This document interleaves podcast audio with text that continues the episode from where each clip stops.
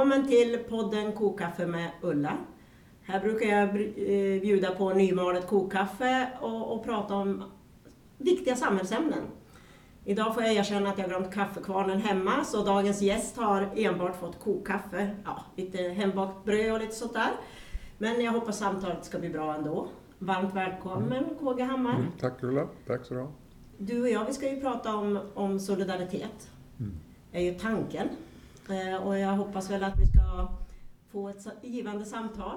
Eh, jag kommer säkert att lära mig en hel del nytt. Eh, och du, som jag uppfattar din gärning i livet så har den genomsyrats av solidaritet. Jag tittar på att du var ju med och startade påskupproret, eller upproret, uppropet kanske hette. Vi kallade det ju för upp, uppropet hette det, men det blev ju upproret. Ja, ja. Jag var med och manifesterade hemma i Gävle. Ja. Faktiskt ihop med moderater. Mm. Uh, och uh, du har heter det, stått upp för fred och solidariska lösningar och ja, på olika sätt haft det i, i, i, genom hela din gärning. Ja, du har ju varit ärkebiskop, det vet väl de flesta. Och varit verksam i Lund och nu har jag haft turen att du har flyttat till Stockholm så det var lätt att få med dig, få lätt att få med dig hit. Så varmt välkommen! Mm, tack! Eh, på slutet av podden kommer ni få lite lästips av KG eh, och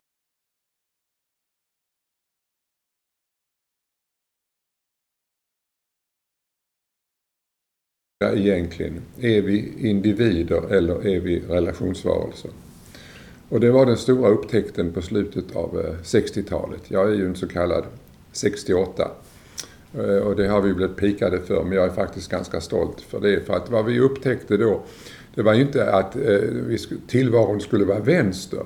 Utan det var det att tillvaron var att vi relaterade till alla och framförallt till de fattiga folken på jorden. Och att det var en följd av, av västerlandets kolonialism. Så vi var liksom inblandade i deras fattigdom. Mm. Och det minns jag, det var en, en otroligt jobbig upptäckt. Ehm, så jag hållit på med de frågorna redan från början och då ofta i, i Lutherhjälpen som var Svenska kyrkans u-landshjälp på den tiden. Eh, men också internationellt på olika sätt man började knyta an. Jag var med vid Lutherska världsförbundets generalförsamling i Afrika, Tanzania, eh, 1977. Eh, och då reste vi runt i landet både före och efter och det var ju också väldigt ögonöppnande. Eh, jag hade under, eh, efter min disputation 72 så var jag tre år i Sydöstasien. Bodde i Singapore och jobbade både mot eh, Singapore, och Malaysia och Indonesien, Sumatra. Med prästutbildning då. Och det var ju också omvälvande att vara i en kultur där, där man själv var i minoritet. Eh, och där min lutherska kristendom liksom var rätt irrelevant egentligen i sammanhanget. Eh, så att eh, när jag då kom hem så försökte jag ju leva efter de erfarenheter jag hade gjort. Och jag blev engagerad i prästutbildning väldigt tidigt och har liksom försökt att plantera det här synsättet. Men svaret på din fråga är ju egentligen att för mig finns det inget alternativ. Vi har blivit lurade de senaste seklerna kan man säga när individualismen har vuxit fram i västerlandet. Den har fört mycket gott med sig vad gäller som befrielseperspektiv och så. Eh, men eh, när den har eh, blivit liksom präglad av konsumism som det enda individen har som projekt kvar mm.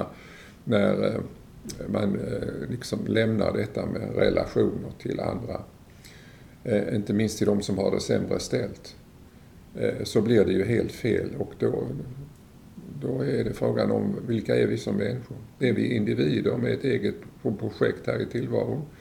Ett egoprojekt eh, där alla andra bara är objekt för vad vi, eh, hur vi kan åstadkomma våra mål. Eller är vi relationsvarelser? Och det tycker jag har blivit ännu mer påtagligt nu när klimatkrisen har trängt sig på oss och vi har tvingats inse att vi relaterar inte bara till andra folk, vilket är svårt nog, utan vi relaterar också till ekosystemen och alla, alla de eh, gemensamma nyttigheter som vi är beroende av för att kunna överleva som, som mänsklig art. Och om vi går tillbaka till, liksom, till 60-talet där och du säger liksom att ja, eh, ni, upp, ni blev varse kan man väl säga, någon form av världsordning då, där vi i den rika världen blev många gånger rika på mm. att vi plundrade andra länder och deras folk och ja, var egoistiska helt enkelt. Mm. Eh, så. Blev det då liksom som att Fick du dåligt samvete för att du liksom var en del av den kulturen? Eller liksom tänkte du att ah, det här har de gjort, det behöver inte jag stå för, jag vill göra annorlunda? Eller hur, hur liksom blev det där för dig? Ja, jag tror inte jag fick dåligt samvete, jag har, har dålig anlag för det. Eh, men eh, jag kände ju att det var en väldig eh, upp, uppfordran att, att försöka leva efter den insikt som vi hade gjort. Och vi var ju en hel generation och, i, i kyrkan världen över där detta var när jag läser nu böcker om, om då 68 vänstern och, och i kyrklighet och, och sådant så, så känner jag inte igen mig alls. För de tror ju bara det handlar om att, att man blir vänsterpolitiskt orienterad. Eh, när det är att egentligen man blir internationellt engagerad och upptäcker hur otroligt orättvis världen är. Mm. Eh, och att, att det leder till politiska konsekvenser där, om vi säger att att eh, den politiska skalan mellan höger och vänster den står mellan individens frihet och solidaritet. För mig är det liksom så. Mm. Det är två viktiga värden. Men vi måste välja. Och för mig har det då alltid varit så att, eh, åtminstone sedan 68, att solidariteten måste ha övertaget och vi får hitta så att säga frihet i att leva tillsammans med andra eh, på ett ansvarigt sätt. Eh, och jag tror också att eh, en del av de existentiella problem vi har i, i, vårt land och i västerlandet när det gäller livsmening och sådana saker, de hänger ihop med det här individprojektet. Mm. Alltså det går inte att bli eh, alltså meningsfullt tillfredsställd av att bara konsumera mer och mer. Och när vi är utsatta för detta tryck att vi får inte lov att bli nöjda. Det är livsfarligt för vår ekonomi. Så har det blivit. Mm. När jag engagerade mig politiskt en gång i tiden så var det liksom under den så kallade yuppie-eran. Eh, och då skulle man ju liksom tänka sig på, på sig själv och, skita i alla andra mm. ungefär. Mm. Eh, och det där var ju ett samhälle där inte jag ville vara en del av kan man väl säga, eller jag ville inte leva på det sättet. Utan jag tycker ju att vi människor hör ihop. Eh, men, men det liksom var i slutet på 80-talet, början på 90-talet mm. och man fick också höra att Sverige aldrig någonsin hade varit rikare men samtidigt så började man ju skära ner i det som då är egentligen solidariteten. Den gemensamma välfärden till exempel. Eh, och, och, du pratar mycket om, om konsumtion. Och, och, det man har gjort liksom under lång tid det är ju att man har skurit ner det gemensamma och sen har man ökat den privata konsumtionen. Mm. Och det är ju liksom också ja, individens frihet, men, men vad får det för konsekvenser liksom, i våra liv? Och jag tänker att solidariteten har liksom på, net, på net, något vis försvunnit fast den finns där. Och varje gång den ges ett uttryck, som under covid eller mm. när flyktingar kom 2015 eller som nu under Ukraina, blir jag väldigt glad. Men i övrigt så tycker jag liksom att, och det var lite därför jag ville prata om det här med dig, mm. att det liksom inte, det är ungefär som att vi, den där insikten om att vi människor behöver varandra och är beroende av varandra, liksom har försvunnit någonstans. Mm. Vad tror du att det beror på? Liksom? Var, varför ser man inte att vi människor liksom är tillsammans och mm. att jag är beroende av dig och du är beroende av mig? Liksom? Ja, ja, ja, jag tror att det är det nyliberala eh, tankesättet eh, som eh, tänker att om, om varje individ får lov att förverkliga sig själv så, så, så blir det ett överskott. Alltså som droppar ner på de fattigaste. Och jag menar statistiskt så kan ju de som vill bevisa detta, de kan ju se att medelklassen har ju blivit större i stora delar av världen. Men den har ju inte hjälpt de allra fattigaste. Eh, så att eh, man kallar det ju koskitsmodellen i, eh, i Indien. Alltså att om du matar kossan väldigt mm. mycket där så kommer det ut någonting som sparvarna kan äta i bakändan. Va? Hästskitsteorin ja, säger vi. Ja, säger ni det? Okej, okay, ja, just det. Eh, tri, vad heter det? Trickle down. Eh, Precis. Ja, just det. Jo, och, och eh, det, det, har ju vi blivit matade med sen, sen 80-talet. att vi ska inte avundas de som blir rika, vi ska vara tacksamma för att de blir rika för det betyder mm. att, att de får igång andra. Men det betyder också att var och en i sitt individuella konsumtionsprojekt. Eh, och det blir ju, eh, solidaritet blev ju ett fult ord på 90-talet. Det var liksom ingen som ville prata om det därför det, det var, ja, det var bakvatten på mm. något sätt kändes det.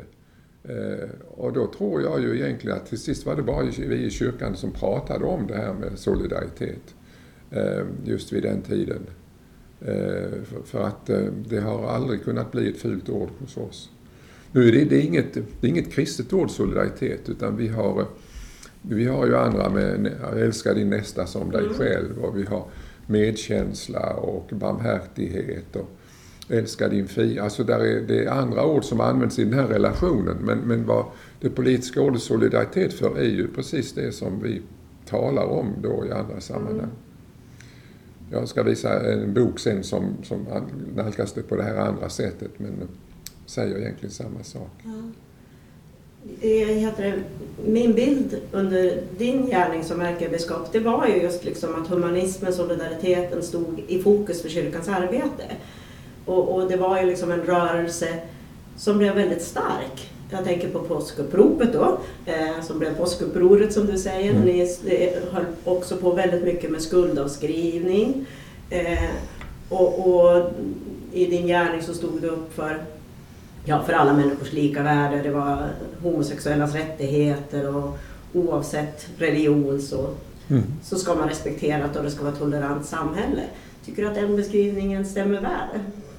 Jo, det, alltså den stämmer ju med, med det synsätt jag har på, på min tro och, min, och till, på tillvaron i stort.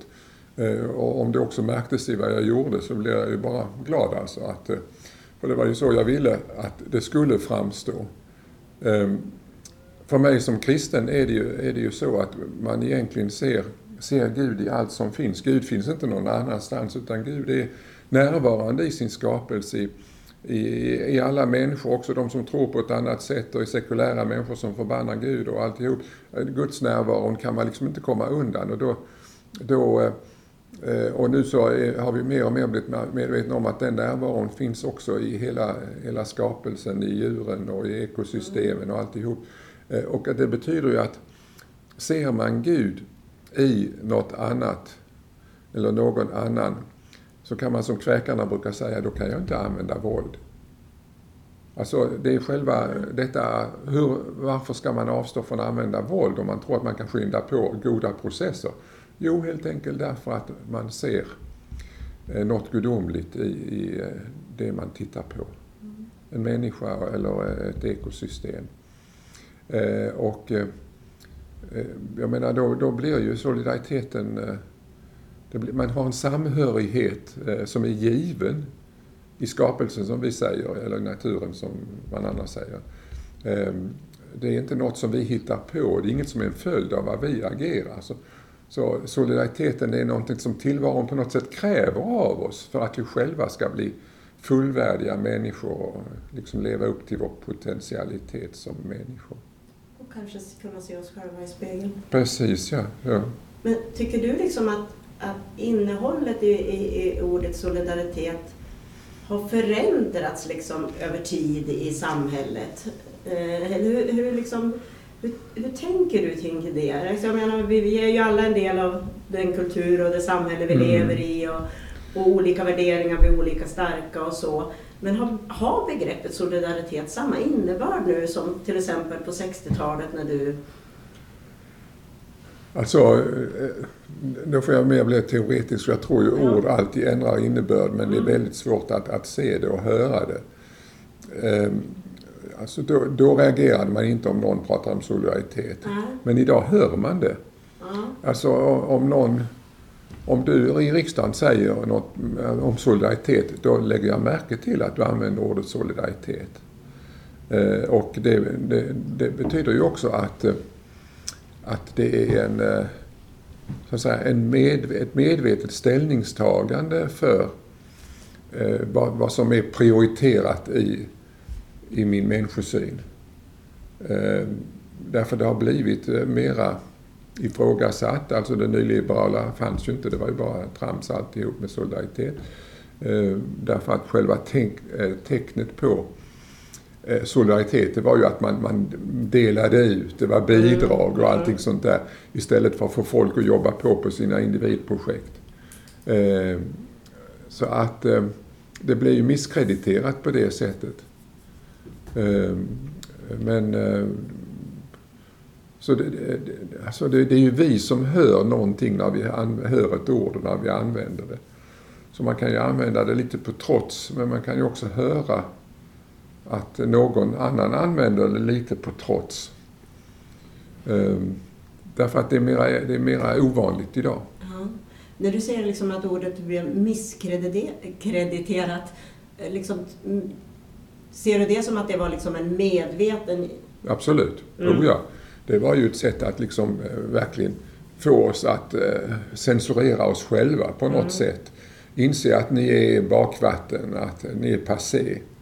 Ni har fel ekonomiskt tänkande. Vi ska inte dela på det som finns utan vi ska se till att generera mer. Och det är ju detta generera mer som nu knäcker planeten. Ja. Jag tänker vi kommer att komma till klimatfrågan tänker mm. jag mer och mer mm. Eh, så här. Jag tänkte bara fortsätta lite grann på det här liksom med, med, med, med solidariteten. Jag tänker, jag lyssnade på Aktuellt här och ja det gör man ju ofta, så här. Men, men jag blev liksom så, så liksom så här, men vad är det här? På sociala medier så har det ju varit väldigt mycket det här liksom att, att kyrkan är vänster, så vi som är höger kan inte vara, känner oss inte välkomna. Och helt plötsligt så ser jag i Aktuellt, när den nya ärkebiskopen då skulle vara gäst, mm. att han fick svara på frågan, är kyrkan vänster? Och eh, får, är de, högra, de på högerkanten inte vara med? De känner sig inte välkomna, måste ni ändra er? Liksom, det var det som var ingången. Liksom, hur, jag vet inte om du hörde den där intervjun, men jag blev alldeles så här, vad håller de på med? Men, alltså, jag upplever ju att det där har varit ett medvetet politiskt spel från, från Timbro och andra eh, tankesmedjor som har eh, tyckt det har varit jobbigt att kyrkan ändå har en naturlig solidaritetskänsla och, mm. och eh, kan, kan, inte avstå från att, att predika medmänsklighet och, och inte individprojekt. Det, det, det är, är jobbigt för en del och då har man ju gjort, försökt att sätta den här vänsterstämpeln på oss.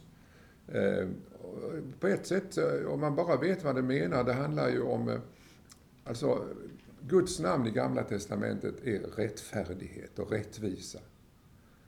Alltså det, det, det, eh, profeternas språk är så tydligt alltså. Att det, är inte religionsutövning Gud är intresserad av, det är rättvisa. Profeten Amos, han är, han är furious alltså på detta.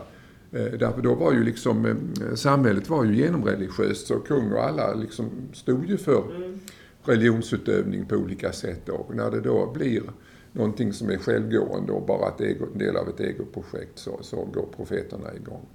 Eh, och det, det är ju det som händer då på 60-talet, att profeterna börjar tala till oss igen. Bibelforskningen lyfter fram dem och man, helt plötsligt lyssnar man på ett nytt sätt. Oj då, och det är ju detta Jesus pratar om. han pratar inte om att vi ska komma till himlen, utan han pratar om att eh, himlen ska upprättas på jorden.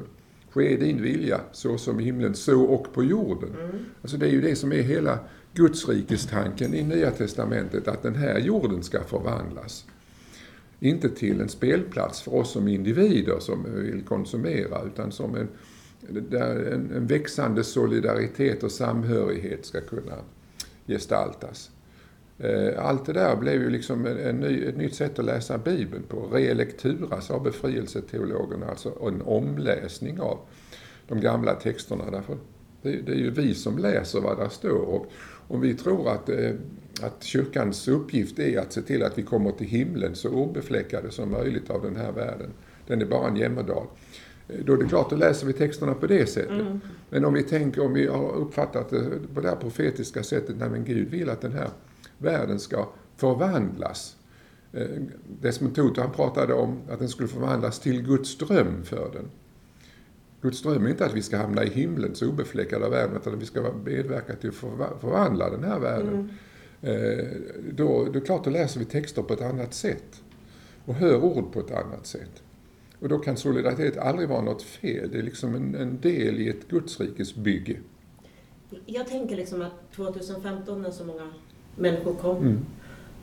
drevs på flykt, det är fortfarande väldigt många ja. människor på flykt, eh, men helt plötsligt så och, och då liksom visades solidariteten i samhället. Mm. Det, var, det var vackert att se samtidigt som ja. det var en fruktansvärd situation mm. så att säga. Men man fick hopp om mänskligheten, ja, om jag ska uttrycka mig så.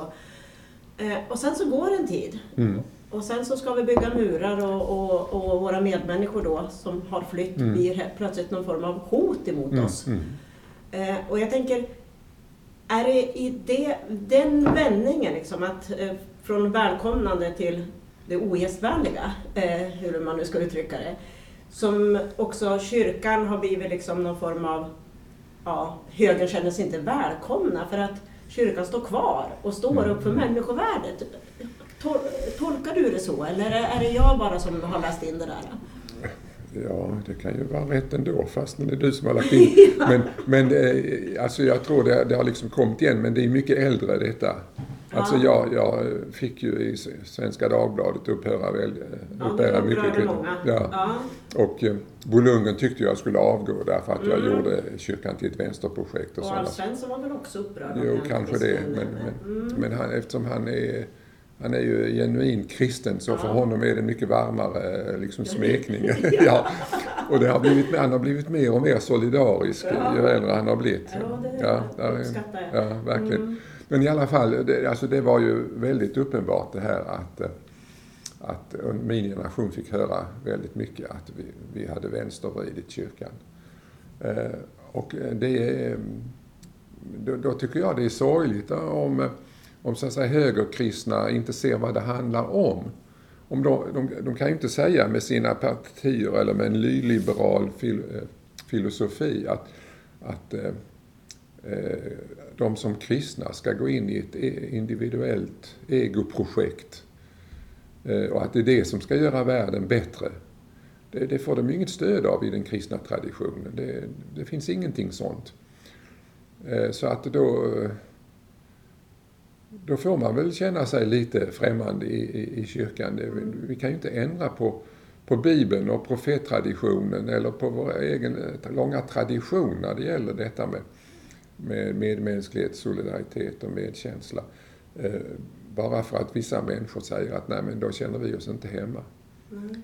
Det, är, det, är ju, det är ju väldigt många som när man har gjort lite skarpare uttalanden har skrivit och sagt jag har gått ur kyrkan eh, när jag har hört hur du pratar. Sen kan det ju vara roligt att säga att ännu fler har sagt att jag har gått in i kyrkan när jag har hört det här. Va? Mm. Därför att, för att man har liksom, i, i min barndom så var ju kyrkan en borgerlig eh, inrättning. Det var, det var liksom självklart. Mm. Borgerligheten har alltid räknat med kyrkan som ett, eh, ett stöd. Mm. Tory at prayer heter det i den anglikanska världen, alltså Torypartiet, högerpartiet mm, i mm, England. Mm. Till bön, det är, det är kyrkan. Va? Eh, men det är inte ett instrument för förändringen av världen. Om, om, man, om man ser liksom på, på solidariteten och, och, och, och liksom inne, ordet solidaritet och du pratar om att ordets innehåll förändras över tid och då tänker jag, du har ju kommit till det ett antal gånger redan, klimat och miljö. För det tror jag väl kanske inte riktigt var med i din Nej. gärning från början? Nej. Nej. Utan det var alltså, när jag kom börja i Uppsala så Stefan Edman är ju en av dem som mm. har varit ute väldigt tidigt med detta. Eh, och han låg på mig då om att vi borde eh, driva de frågorna tidigare. Och han och Martin Lönnebo, biskopen i mm. Linköping, mm. de var ju med och startade Svenska kyrkans miljövärn i början av 90-talet och, och har fört de här samtalen väldigt tidigt. Eh, och eh, när jag eh, det var ett möte på gång eh, eh, som han, Stefan drev väldigt hårt när jag var tvungen att sluta. Eh, och då så tog min efterträdare Anders Wejryd över det här och genomförde ett stort klimatmöte interreligiöst i Uppsala. Så frågan har ju liksom funnits också i Kyrkornas världsråd och Lutherska världsförbundet. Man har liksom känt det här tidigare än vad egentligen politiken har gjort. Och det beror ju också mycket på att eh, tyngdpunkten i, i, i, den kristna kyrkan den finns ju i de fattiga delarna av världen. Eh, där man har fått känna av klimatförändringar och imperialism och kolonialism och alltihop. Va? Så att eh, de har ju legat på att eh, vi i västerlandets kyrkor måste trycka på mycket hårdare. Eh, så att väldigt mycket av det som då man påstår är att vi tar ställning i den svenska politiska sfären mellan höger och vänster och sådär. Det stämmer ju inte med hur historien ser ut utan det är ju det vi kallade tredje världen för, alltså utvecklingsländerna, mm. kyrkorna där som trycker på. Jo. Ja. För alltså om vi åkte, och vi gör fortfarande det, åker till andra delar mm. av världen, ofta fattiga länder, mm. eh, och liksom tar deras råvaror för att vi ska kunna leva våra liv mm. och så vidare och, och så. Så heter det Förutom att vi har gjort det så är, har vi också liksom lånat ut pengar till dem och kyrkan har ju jobbat väldigt mycket med skuldavskrivning. Mm. Men egentligen är ju det sätt vi, vi lever våra liv på här också ett sätt att sätta dem i skuld, för det är ju de som drabbar hårdast mm. av klimatförändringarna. Eh, och, och, det där verkar vara liksom något som vi bortser ifrån. Vi mm. pratar om att vi ska inte ta emot människor, människor på flykt, men vi beter oss på ett sätt som gör att ännu fler människor måste fly, Precis. just på grund av klimatförändringarna. Och då kommer 2015 att bli en rännil bara jämfört med hur det måste bli. För att det, det, alltså, vi vill ju inte riktigt se hur, hur klimatförändringarna har förstört livsmöjligheterna i centrala Afrika.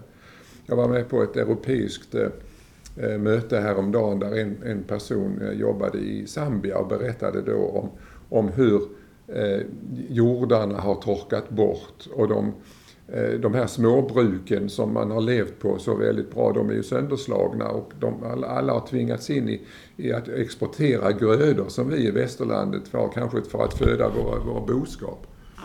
Och sådana, alltså det, vi har liksom förstört för dem för att det ska passa oss i, på ett sätt som är ohållbart. Det blir monokulturer i deras ja, Absolut, ja. Och då, eh, det, det, värsta exemplet jag hörde det var att en person i, eh, i Malawi eh, på ett år får lika mycket livsresurser som vi förbrukar på sex dagar. Oj. Alltså det är ju helt fruktansvärt. Och det är klart att då, att varför, då måste ju folk fly. Eh, och man skickar iväg de som har ork att gå. Ja. Och sen hamnar man i Medelhavet och, och, vi bygger upp en mur där och så kallar vi dem för ekonomiska flyktingar. Ja. Men det är ju klimatflyktingar och varför måste de fly? Jo, därför att vårt sätt att leva här har inte den här, äh, varit stämt med den här planetens möjligheter att förse oss. Vi har tyckt att vi har större mm. rätt. Ja, visst. Så att eh, det är verkligen den stora solidaritetshandlingen, både med de som blir klimatflyktingar, att vi måste öppna Europa för detta. Vi måste verkligen utnyttja alla eh, möjliga resurser och utrymmen för att eh, människor ska få lov att överleva av det som finns på den här jorden. Men också med de, klimat, de ekosystem och allt det som klimatforskarna skriver om, de olika planetära gränserna, mm jag har precis läst Johan Rockströms bok eh, tillsammans med en kollega där som heter Jorden. Eh, om dessa nio planetära gränser och eh, att vi har överskridit flera av dem redan. Och, och vi har ju ett uttag som världen inte klarar av. Och där är vi nära de så kallade tipping pointerna. Mm. Och så, så vi, måste, vi måste retirera så vi kommer innanför det som är ett, ett säkert sätt att leva. Och det betyder ju att vi måste gå från konsumtionsvarelser till relationsvarelser. Och hur ska vi komma dit? Har du lösningen? Nej, tyvärr men, har jag ju inte det. Eller som tur är har jag väl inte det. Men, men vi kan i alla fall... Ja, jo men alltså det, det, det, det krävs ett slags... Jag brukar säga att vi behöver ett andligt uppvaknande. Det är svårt att prata om det i Sverige därför att vi blir liksom krampiga så fort det handlar om, om andlighet och ännu värre om vi säger religion. Mm. Men, men eh, med det menar jag att Eh, andligheten kännetecknas ju av att jag själv inte är världens centrum utan jag är en del av någonting större. Mm. Och, och det uppvaknandet behöver vi. Att vi, eh, vi är inte världens centrum och vi är inte individuella egoprojekt. Och vi blir inte lyckliga av det heller. Men vi skulle kunna bli mycket lyckligare om vi upptäckte att vi är relationsvarelser. Och att vi bidrar till att andra eh, också får överlevnadsmöjligheter. Och att våra framtida generationer, det är också en solidaritetsfråga. Mm. Bryr vi oss inte om våra barnbarn? Ska de bara svettas ihjäl här? Alltså, vi ser ju redan i Spanien och Frankrike hur det är nu. Och inte tala om Indien. Mm. Men när det kommer upp här i, i, i Sverige och vi tänker oss våra barnbarn där eh, och, och så, kan, kan inte det få oss att, att tänka om? Då vet jag inte vad som... Ska fåglarna ramla döda ner på våra huvuden innan vi liksom gör någonting? Mm. Jag, jag, tänker också liksom det här med, med egoismen och konsumtionismen och sådär, den är också väldigt ojämnt fördelad. Mm. Eh, och du säger, vi blir inte lyckliga av det heller. Eh, och, och, jag tänker så här också att, att en del av, av, av ja, den psykiska ohälsan och eh, allt det här som många gånger händer, att man inte liksom känner sig trygg i samhället, att man inte får rätt förutsättningar, att man jämför sig hela tiden med andra och titta där, mm vilken fin cykel, vilken fin bil och allt det här. Det får ju människor att må sämre. Och jag tänker liksom att i hela den här debatten om, om, om som har varit nu under lång tid och, och, och, och, som är väldigt central och viktig men där jag tycker att man har tappat eh, ja, vad ska man säga då, värderingar eller, eller viktiga frågeställningar kring just gängkriminaliteten, hur man förebygger brott. Och vad händer med människor som begår brott? Hur ska vi liksom se till att de kommer tillbaka ut i samhället hela tiden? Eller efteråt. Jag tycker att hela debatten handlar bara om att högre straff, ännu mer straff. Och att det är liksom så debatten har hamnat. Eh, och, och, då tycker jag liksom också att man, man tappar väsentligheter. För människor som begår brott måste ju komma tillbaka till samhället en dag och få liksom en ny chans, tänker jag. Eh, men kriminalvården finns inte med. Mm. Och det förebyggande inte är med? Eller tycker du att det är med? Nej, alltså det, med sådana här svåra frågor så är, handlar ju allting om att ta helhetsgrepp på dem.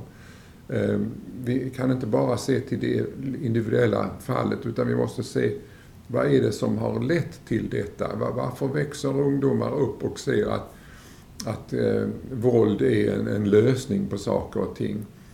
Eh, och då kan det ju hända att eftersom hela vår värld tar till våld när vi ska lösa problem så är det ju väldigt svårt att bryta ur det här. Vi skulle mm. behöva en fredskultur och en fredsminister och, och fredsbudgetar och sådana saker mm. och inte bara tala om, om försvar i betydelsen militärt försvar. Mm. Därför det, det är ju också det här tuffa sättet att lösa saker och ting eh, och ha en human kriminalvård när vi samtidigt eh, tror att enda sättet att skapa trygghet och säkerhet är att rusta oss det, det hänger liksom inte heller riktigt ihop.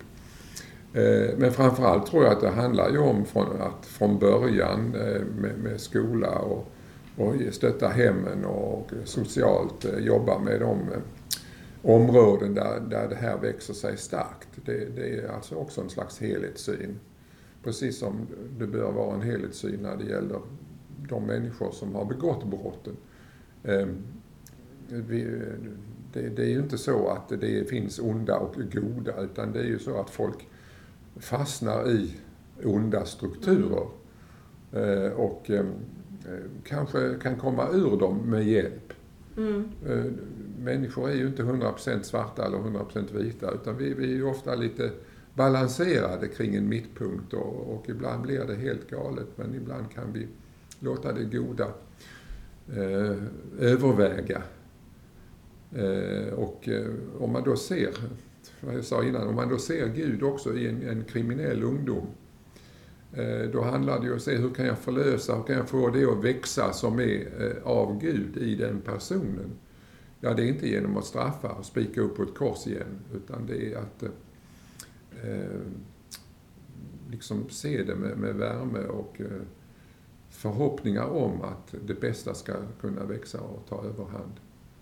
Va? Det är ju det är en människosynsfråga. Det är också en solidaritetsfråga då.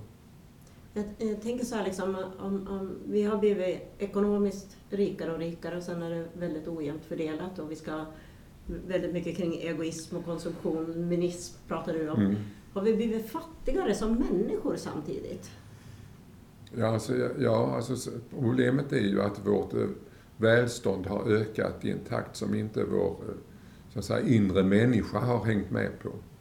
Eh, vi är ofta ganska primitiva i vårt, eh, vårt inre tänk. Och, och det, det, tror jag handlar om att man lyssnar till människor, till exempel de som säger eh, jag tror inte på Gud. Eh, nej, så frågar jag, ja, vad är det du inte tror på? Eh, och när man då, eh, om man då får ett svar på det så är det ofta väldigt primitivt tänkt.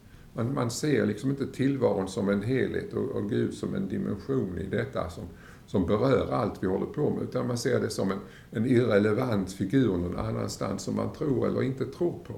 Och, och, och då när man liksom avlägsnar den dimensionen, för alla religioner säger Egot är inte centrum i ditt liv. Alla religioner säger att du ska mm. bry dig om din nästa, älska din nästa som mm. dig själv. Gyllene regeln finns i alla religioner.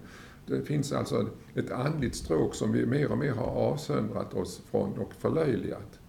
Eh, och det gör att vi har liksom inte redskap riktigt att hantera. Vi, vi har övergett kommande generationer när man säger att tillvaron är bara materiell, det är bara att fixa med teknik och, och sådär. Gå över till batteribil så ordnar det sig nog. Va? Mm. Så är det ju inte. Så är det ju inte. Nej. Men om man nu ska liksom, jag tänker så här att ofta pratar vi om politiken, om att människor måste få hopp och framtidstro då. Mm. Om man skulle säga att KG Hammar nu får liksom möjligheten att bestämma tre saker som skulle förändra på i någon riktning som han tycker är den centrala och viktigaste. Vilka tre saker skulle han komma fram med tro? Alltså jag, jag, jag tror ju på eh, klimatforskarna när de säger att vi har 20-talet på oss. Mm. Och det betyder ju att den första är den mest drastiska, alltså vi måste gå mycket snabbare fram. Jag tror att vi är på rätt väg eh, sen Paris på väldigt många håll, men det går alldeles för långsamt. Mm. Och vi är lite för fega eh, och därför så behöver vi eh, liksom över, vi får inte använda att spela ut eh, i partipolitiskt egoism, utan vi måste säga att detta är den viktigaste frågan. Eh, sen så eh, tror jag att eh, med, ihop med detta så handlar det om, det här var jag sa om fredsfrågan. Mm. Satsa på eh, fredskultur eh, från första stund i skolan. Eh, och eh, det, det, tredje är ju då eh, andligheten, att det, vi måste våga börja prata om det i det svenska samhället. Därför att där finns så mycket resurser som vi har förnekat oss själva. Eh, därför att vi går på myter om eh, vad, vad vi som tror egentligen tror. Eh, och att det är en det är ett sätt att vidga världen och mitt eget liv som, som det rent materiella samhället inte kan erbjuda. Ja, det var tre punkter. Mm. Ja. Då tycker jag att vi, vi får försöka liksom jobba för det och hoppas mm. på det. Mm. Och det ligger ju ett stort ansvar på oss här som människor idag. Eh, jag, innan vi, jag, du ska ju komma med några lästips här, men jag, jag, såg en sak. Jag tänkte jag bara skulle vilja ta upp det lite kort så här, att, även om det är en väldigt central och stor och viktig fråga. Så kriget i Ukraina och Sverige skulle exportera vapen. Eh, både du och jag är emot vapenexport. Men helt plötsligt så såg jag mig själv tänka att, att det går inte att säga nej i det här läget. Och det där var liksom ett stort steg för mig. Och sen så såg jag att du också kom fram till att man inte kan fördöma det. Hur tänkte du liksom där? För det är ju liksom, ja, fred och våld löser inte och, och, och, hela den biten liksom som i alla fall man har stått för, mm. eller jag har stått mm. för då. Och sen helt plötsligt så hamnar man att, jo, vi måste nog göra det här i det här läget. Mm.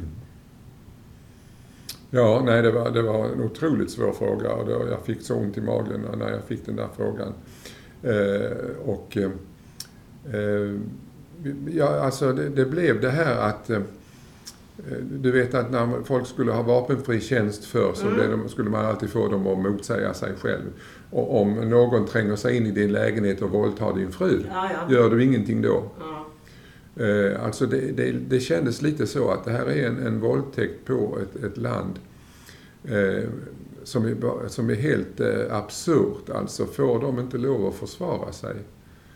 Eh, och då så säger jag säger inte det är jättebra att de gör det, jag säger att jag kan inte fördöma det. Nej. Alltså det här. Eh, utan därför jag vet ju att detta motverkar ett långsiktigt fredsbyggande. Alltså så som mm. vapensmedjorna nu eh, kör för högvarv oh ja. så blir ju vår värld ännu osäkrare och mm. Eh, till och med kärnvapen, eh, liksom, det verkar ju inte helt orealistiskt att, att det blir använt. Alltså det är, vår värld har blivit otroligt mycket osäkrare därför att vi tror att vi skapar större säkerhet genom att rusta oss. Så att långsiktigt är ju det här helt fel sätt att gå.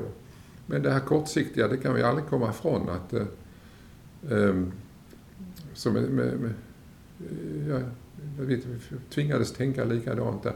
Men jag tror inte det sen att det är samma sak att vi måste rusta. Nej. Jag tror till exempel att Gotland lever mycket farligare upprustat än det skulle vara om man hade sagt till, till eh, Putin, du vi rustar inte upp Gotland, vi ger det samma status som Åland. Så du behöver inte vara rädd ett dugg för att eh, amerikanska missiler kommer att eh, skickas därifrån mot, mot Kaliningrad eller, eller sådär. Du, du behöver inte vara rädd ett dugg för vi, vi ser det här, vi gör det som en fredsgest österut. Det skulle varit ett otroligt mycket bättre sätt att hantera det hela.